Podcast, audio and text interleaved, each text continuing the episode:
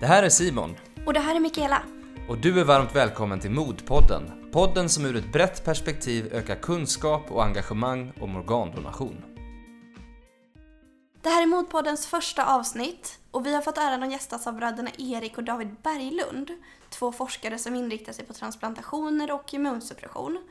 Eh, innan vi spelar upp intervjun, Simon kan inte du berätta lite om dig och din koppling till organdonation? Ja, Simon heter jag då alltså. Jag är 26 år gammal, snart 27 i oktober. Jag kommer ifrån Mölndal, söder om Göteborg. Och det är min mamma som är min koppling till organdonation. Hon fick ett nytt hjärta 2002. Då var jag 12 år gammal.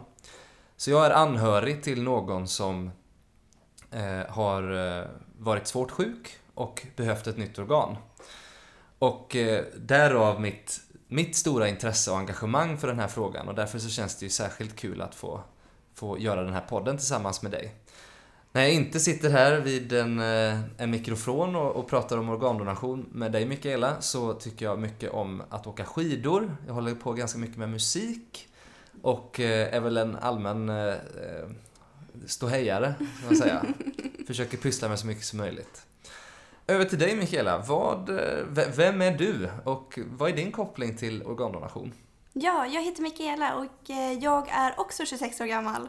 Jag, min koppling till organdonation är att eh, jag är transplanterad sedan sex år tillbaka. Jag fick, en, eh, jag fick njursvikt när jag var 18 och sen en vecka innan jag fyllde 20 så donerade min farmor en njure till mig.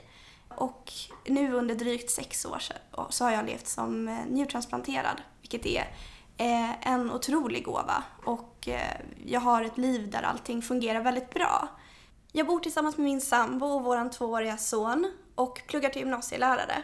Och jag äter en del av de mediciner som nämns i, i det här avsnittet, vilket gör att det blir eh, lite extra spännande kanske, för att i framtiden kanske jag är en av de patienterna som, som kommer gå över på den nya behandlingsformen, vilket känns superroligt. Mm.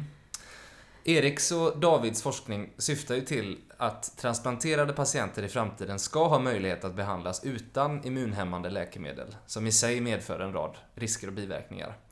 Och de bedriver sin forskning med bas i Uppsala, Stockholm och New York. Och vi fick tillfälle att träffa dem en augustiförmiddag i en lånad lägenhet i Uppsala för en kort intervju. Och det lät ungefär så här.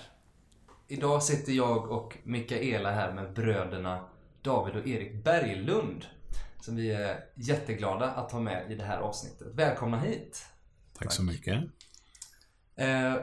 Vi skulle vilja börja och fråga vilka ni är egentligen. Kan, kan ni berätta lite om er själva och var ni kommer ifrån och lite sådär? Ja, jag är då Erik Berglund och jag är en forskandes läkare och har ett specialintresse när det gäller transplantationskirurgi. Innan jag höll på med det så forskade jag mer molekylärt och det var inriktat mot eh, bukcancer, vilket var det jag disputerade inom. Men just nu är jag alltså en forskandes läkare som håller på med transplantationskirurgi och transplantationsforskning. Och eh, har ett synnerligt intresse för just transplantationstolerans och eh, kunna bli av med alla de här immundämpande medicinerna som våra transplanterade patienter behöver ha i nuläget. Precis, jag är David Berglund och jag är storebror till Erik. Eh, Vi känner ju varandra sedan länge. Eh, Jag har en ganska snarlik bakgrund. Eh, jag har jobbat med transplantationskirurgi i några år och sen transplantationsimmunologi som har med immunförsvaret att göra på olika sätt. Eh, Och idag så är jag docent i immunologi och fokuserar väldigt mycket på en del av den. Eller egentligen på den, allting som vi ska prata om idag, den forskningen som vi bedriver till stor del gemensamt. Kan väl kommentera också att eh, längre tillbaka i tiden så är vi, vi födda och uppvuxna i Västerås och har idrottat mycket våra dagar. Och fortfarande vår stora passion skulle jag säga, vid sidan av jobbet. Och Västerås passerar man snabbt, men har man vägarna förbi tycker jag man ska stanna, för det är en väldigt trevlig stad. Vid, Mä- vid Mälaren, finns mycket att göra, mycket att se. Hur kommer det sig att det blev medicin för er båda då? Ja, jag, jag var inte så säker på vad jag ville göra efter eh, studentexamen. Så jag testade, jag testade lite olika saker. Jag jobbade som lärare ett tag. Jag jobbade koppla ihop kablage på en liten firma i Västerås. I en eller två veckor tror jag höll på med det. Eh, sen så studerade jag lite grann i USA och där läste jag anatomi och fysiologi och tyckte det var jättespännande. Och sen efter det så kan man säga komma in på mer och mer att jag tyckte det var var kul med kroppen på olika sätt. Men det var lite brokig väg fram till medicin. Jag tror Erik var mer övertygad om vad han ville göra tidigare. Ja, det tycker jag. jag. Jag hade nog ganska bra hum om i tidig ålder att jag ville hålla på med kirurgi.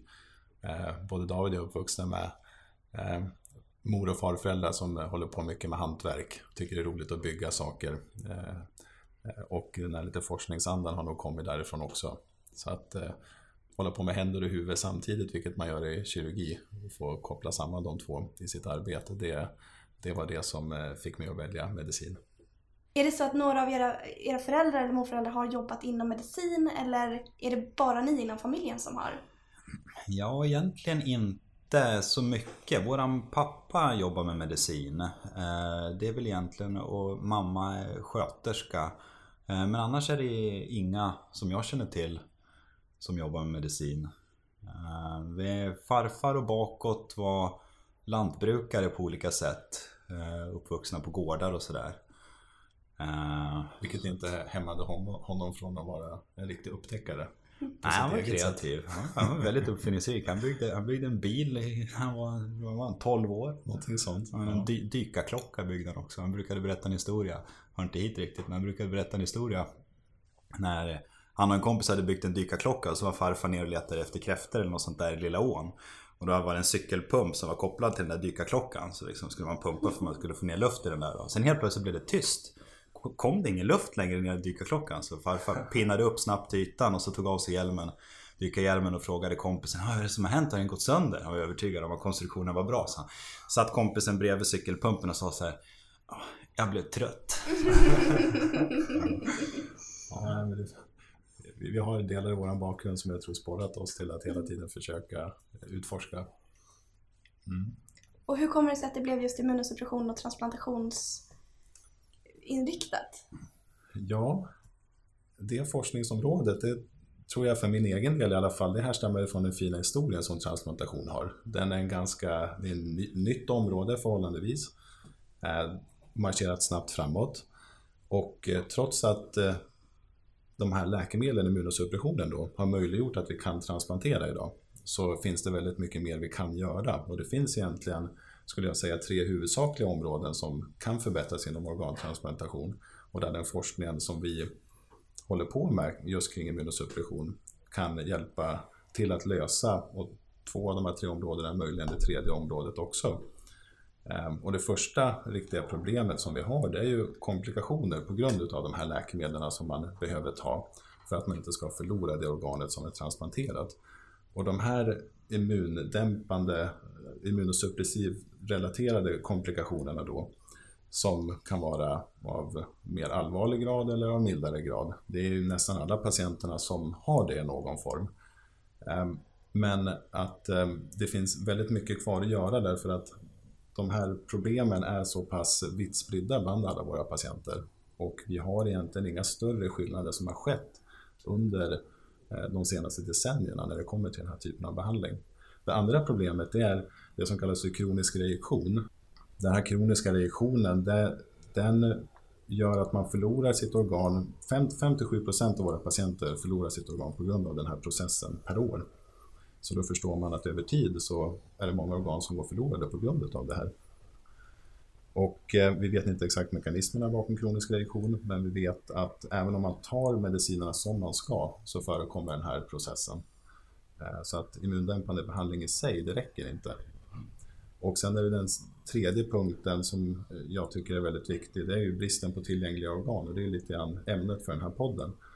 Och eh, vi vet att eh, det blir fler och fler patienter som behöver ha organ. Internationellt sett så ökar den här bristen på organ.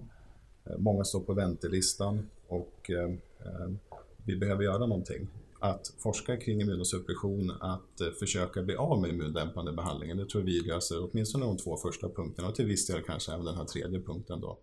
Och det är det som driver mig så kraftfullt att vilja hjälpa till och se om man kan förbättra det här på något sätt. För jag vet inte hur du Nej men det är väl en, alldeles, det är väl en helt utmärkt beskrivning. Jag, jag tror att eh, eh, du har helt rätt i att eh, transplantation är ett relativt nytt område som det ser ut idag. Man ska komma ihåg att det har en väldigt lång historia. Vi har alltså eh, i över hundra års tid har man försökt transplantera organ på olika sätt. tekniskt har man kunnat göra det här alldeles utmärkt. Det är inte konstigare än om man säger så att man syr ihop blodkärl tekniskt när man gör en organtransplantation. Men problemet är att man inte kunde hantera immunförsvarets reaktion. Hade man kunnat göra det så hade man kunnat transplantera redan för 100 år sedan. I någon större omfattning som man egentligen brukar man säga kanske kunna transplantera på ett relativt modernt sätt sedan ungefär 80-talet. Så det, på det sättet är det väldigt nytt.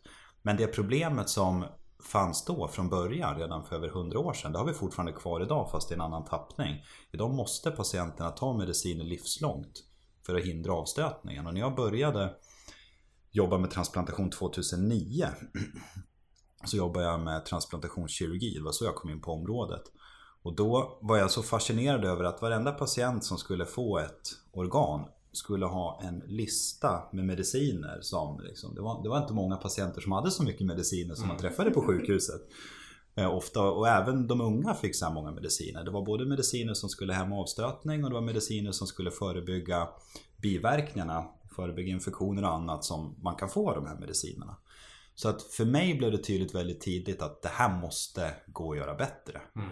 Uh, och sen dess har vi varit väldigt intresserade av att försöka hitta ett sätt att på ett eller annat vis komma ifrån den här kroniska behandlingen. Och som Erik säger, inte bara kan det ge mindre biverkningar och ett friskare liv, det skulle kunna ge en längre liv med det här fungerande organet också. För idag så, så får man kronisk avstötning i viss mån och för alla som är transplanterade med njurar så är det paradoxalt nog så är medicinerna giftiga mot njurarna. Mm. Och även de som inte är transplanterade med njurar är det inte helt ovanligt att de får njurskador till följd av medicinerna.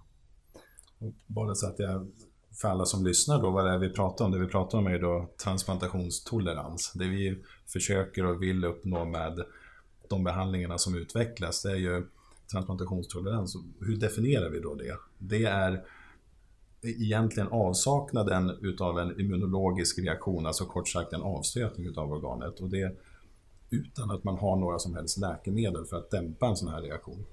Och eh, varför jag också valde det här forskningsområdet är för att det finns intressanta patienter som utan behandling trots allt kan behålla organet. Det finns alltså de som är spontant toleranta. Då ska man komma ihåg, de är väldigt ovanliga. Det är bara en bråkdel av en procent när vi pratar till exempel njurtransplanterade patienter.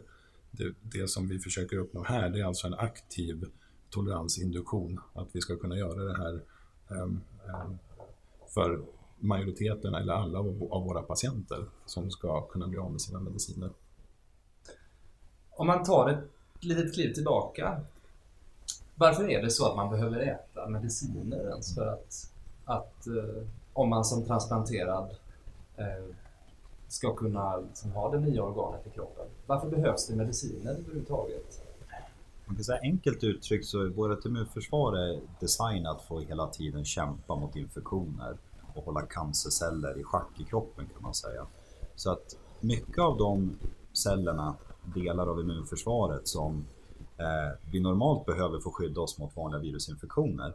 Eh, de kan också reagera, korsreagera kan man säga, mot organet. Så att egentligen varenda gång som vi får in något främmande i kroppen så är immunförsvaret designat på ett sådant sätt att det ska kunna angripa den här främmande inkräktaren. Och det går igen egentligen oavsett om det då är infektioner, transplanterade organ eller främmande material på annat sätt. Kroppen har olika sätt som det reagerar mot, mot inkräktare kan man säga. Eh, det som är lite speciellt är det att vi behöver, det är tvegat, vi behöver immunförsvaret för att skydda oss mot de sakerna som är potentiellt farliga, livshotande för oss. Men vi har inget bra sätt för immunförsvaret att uppfatta när det är någonting som kommer in och gör något gott. Ersätter en icke-fungerande njure eller hjärta. Utan det uppfattas fortfarande som en inkräktare. Och det är där utmaningen är att man ska försöka få en, en väldigt riktad behandling mot just den delen av immunförsvaret som orsakar den här avstötningsreaktionen. Och inte hämma immunförsvaret brett så man samtidigt får biverkningar i form av infektioner, ökad risk för cancer med mera. Eh, och inte heller använda mediciner som har så tuffa biverkningar att det kan bli besvärligt i sig att ta medicinerna. Och vad i de här medicinerna gör att man får behålla det organet man tar emot? Um, då är det så att de här medicinerna som vi ger idag, de är till stor del inriktade mot det som vi kallar för T-celler. Det är en del av immunförsvaret som central del av immunförsvaret som egentligen koordinerar mycket av aktiviteten och angreppen som immunförsvaret gör. Och de medicinerna som vi ger idag, de är en broms på i princip alla de här cellerna. Så man, man, kan se det som att när man tar de här medicinerna varje dag, då håller man liksom en fot på bromsen, på immunförsvarets broms. Eh, och tyvärr är det så att om man slutar ta medicinerna, då gasar immunförsvaret upp och så får man en avstötningsreaktion. Det finns väldigt nyliga studier som är gjorda som visar det här tyvärr väldigt övertygande där man har tagit patienter som man bedömer har en jättelåg risk att de ska få en avstötning. Och sen så har man slumpmässigt, om man inkluderar sin studie, så har de slumpmässigt blivit randomiserade då som man säger att de antingen får ta fortsatt den här kroniskt immunhämmande medicinen eller ta bort en av de medicinerna som sätter en extra broms på framförallt T-cellerna. Och då ser man att de patienterna då som blir av med den här medicinen, då gasar immunförsvaret upp och de får reaktioner. Så att medicinen som vi har idag, det är, liksom, det är ingen lösning på problemet. Det är liksom en temporär broms bara som hela tiden måste vara i. Man kan också säga det att historiskt sett när de här medicinerna har kommit till så har det ju eh, Vissa kom för länge, länge sedan, till exempel kortison. Sen är det lite mer nyare läkemedel som har kommit till. Och eh, vad det här har resulterat i, utprovningen utav läkemedel har eh, blivit en kombination utav läkemedel och man försöker då optimera de här sammansättningen utav läkemedel. Men trots att vi försöker koppla samman de mest effektiva på det bästa sättet så har vi då problem med de här sakerna jag nämnde i början, såsom kronisk reaktion och vi förlorar organ trots allt. Så att eh, vi behöver någonting annat. Och hur ser er forskning ut? Var ligger fokus för er? Eh, huvudfokus är just att man ska kunna komma ifrån den här kroniska behandlingen. Eh, vi jobbar med, med mekanismer och behandlingar som syftar till att man ska mer riktat bli av med de cellerna och, och hämma de cellerna som ger avstötningen. Och få en bestående effekt som man säger enkelt uttryckt, man utbildar immunförsvaret och uppfattar det här främmande organet som en del av kroppen själv. Eh, istället för att hela tiden behöva den här liksom bromsen och att det ligger och lurar där i bakgrunden och blossar upp så fort man släpper på det. Och eh, det vi har sett hittills är väldigt lovande. Att vi får en sån här bestående effekt där man faktiskt kan leva jättemånga år utan behandling. Om man blickar lite framåt eh, i tiden. Hur, hur långt bort är det så att säga att eh, man kan hitta nya typer av behandlingar för en person som har fått nya organ? Som har den här immunsuppressiva verkan då? En jättebra fråga. Där så... Eh, det är inget svart eller vitt kan man säga. Den, eh, om man säger... Ja, om vi börjar från de mest positiva resultaten som vi har idag, det allra, allra längst vi har kommit och sen får vi generalisera lite mer så det här går delvis att göra idag redan. Vi ska imorgon, eller till och med senare i eftermiddag till och med, följa upp en av dem som har blivit Eh, behandlade med de här nya behandlingsmetoderna och levt eh, helt utan medicin i storleksordningen 10 år. Eh, det var den första patienten som någonsin gjordes på det här sättet kan man säga. Och med, med väldigt stor framgång. Också en patient som hade genomgått en vanlig transplantation tidigare och upplevt biverkningar. Och, hon beskrev det som natt och dag egentligen med de två behandlingssätten. Där det mer traditionella upplevdes som man var kroniskt sjuk och det andra är som man fullt frisk på ett sätt som man var innan man blev organsjuk från början. Eh, det är extrema framgångar med enskilda sådana patienter. Sen handlar det om att kunna sprida det här till eh, den stora massan som organtransplanteras och det innehåller helt andra utmaningar. En av de stora utmaningarna är att organtransplantation har idag väldigt bra korttidsresultat. När man blir transplanterad med njure, eller lever, hjärta och så vidare, man kan räkna med har väldigt god sannolikhet att organen kommer funka alldeles utmärkt i början. Om man tittar på det så har man, om man får en njure från en levande donator, man kan räkna med 95% sannolikhet att man har det här organet bort upp till ett år åtminstone, kanske till och med därutöver. Över 95% och det är ju en jättebra, jättebra resultat. Men sen över tid, som Erik kommenterade, så maler vi liksom ner organen, både med medicinerna och med den kroniska avstötningsprocessen. Och det är då det är kul att de i storleksordningen 10 patienterna som redan är behandlade har blivit någon enstaka patient behandlad hittills per år. Det här är gjort tillsammans med, med våra amerikanska samarbetspartners som vi nu jobbar väldigt tätt med. De har alldeles utmärkta resultat. Så vi börjar nu se att man på sikt nog kommer kunna vartefter skala upp och erbjuda patienter det här i större utsträckning. Men man måste vara ödmjuk och gå försiktigt fram när man introducerar något nytt. I synnerhet när det finns en relativt bra behandling med goda korttidsresultat så man inte äventyrar det. Mm. Och där kan vi ju också nämna hur, vad det är mer specifikt vi pratar om. De här fåtalet patienterna som är behandlade av våra kollegor och samarbetspartners, det är eh, njurtransplanterade som får ett organ från en levande donator. Och det här är ju steg som är tagna under flera decennier, som har startat i grundforskning i djurstudier. Till och med tidigare så, det startade i cellkulturer, sen provar man det i smådjur och sen i stordjursmodeller och sen innan man prövar det i människa. Och sen tar man det långsamt, eh, utvärderar så man vet att det är säkert. Och det har visat sig att eh, med eh, den behandlingen som är given till de här patienterna vi pratar om, då har det varit väldigt säkert. Det finns även andra forskargrupper runt om i världen som försöker med en, eh, en snarlik behandling eller ett sätt att skapa det här med tolerans då. Det här är den enda behandlingen som har fungerat när det gäller vävnadsolika njurtransplantationer. Sen så är frågan hur blir det med andra organ och ska man försöka kunna göra det här även med en avliden donator? Mm. Och eh, det är steg som kommer härnäst, skulle jag vilja säga. Precis. Det var egentligen det som var vår nästa fråga, om det kommer fungera mm. med alla organ och även vid avlidna donatorer. Om ni ser att det finns en möjlighet för det och hur man i så fall förbereder patienten. Eller om det, det är väldigt långt fram i framtiden och vad som i så fall skulle krävas för att kunna nå dit. Jag, jag kan väl ta vidare och i och med att den forskningen som jag bedriver i USA på Columbia University, där har vi en eh, aktiv forskning som inriktar sig mot att försöka bredda just den här behandlingstypen bortanför njurtransplantation, som ju är den vanligaste typen av transplantation.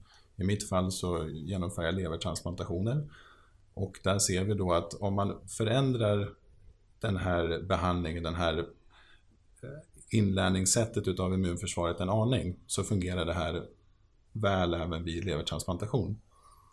Eh, när det gäller andra organ så håller det också på att utprövas eh, och jag tror att det kommer fungera väl. Vi behöver bara lära oss hur vi eh, ska göra det här och det kan vara så att för olika organ så behövs olika behandlingar.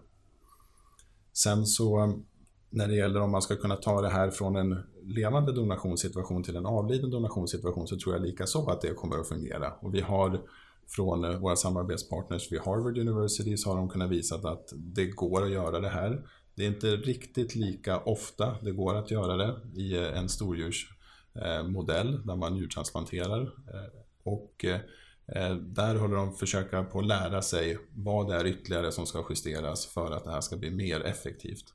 Säkerheten ser ut att vara lika god men effektiviteten kvarstår målsättningen med behandlingen skulle jag säga är det att man vill att så många som möjligt ska kunna få möjligheten att leva utan den kroniska medicineringen. Eh, om man säger worst case scenario skulle vara att de trots allt behöver mediciner. Och då är de ändå i den situationen som de är i idag. Mm. Så att eh, även om man inte når att alla som organtransplanteras kan leva fullständigt utan mediciner så ska ingen behöva ta mer mediciner än nödvändigt och så många som möjligt helst inte ta någonting alls. Jag tycker det Erik säger är väldigt viktigt att understryka att när man gör sådana här saker så är det en lång väg innan man kommer till patienter. Nu är en hel del av det vi redan pratar om är faktiskt i patienter. Och det handlar om egentligen att bredda och förfina behandlingen i stor utsträckning. Men eh, där är det viktigt att förstå den processen när man går från en labbänk till att man gör försök i olika egentligen då djurmodeller när man organtransplanterar där och sen går vidare och gör det faktiskt kliniskt med patienter som är sjuka. Och den, den processen den är mödosam och tar tid. Och måste ta tid. Och anledningen till att man gör det här i djur överhuvudtaget har att göra med att vi måste försäkra oss så gott vi kan om att det är säkert för människor och patienter innan man gör det. Och eh, då måste man närma sig det långsamt och så tar man den djurarten som är helst så lik som möjligt till människa. För att då kan vi veta bäst hur reaktionen kommer att bli när vi behandlar en, en människa.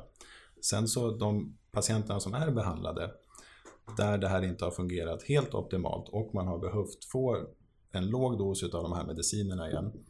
Eh, de de är viktigt att understryka att de har det gått bra för. De har inte lidit några väldigt allvarliga biverkningar. Men det visar också att man måste vara ödmjuk inför det här. Att det kan uppstå saker med tiden som vi inte känner till idag. Och det är därför man också måste göra det här eh, väldigt kontrollerat.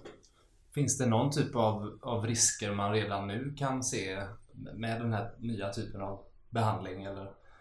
Jag, jag, jag som, har, som håller på med kirurgi, då, transplantationskirurgi. Transplantationskirurgi generellt har varit historiskt inne i, i det här med organtransplantation ganska kort tid, kanske ett, två, tre år. Men vi vill hålla på med det här väldigt lång tid nu, så mitt fokus ligger på långtidsresultaten. Och jag skulle säga, tittar man där, då finns det väldigt mycket att vinna med den här typen av behandling.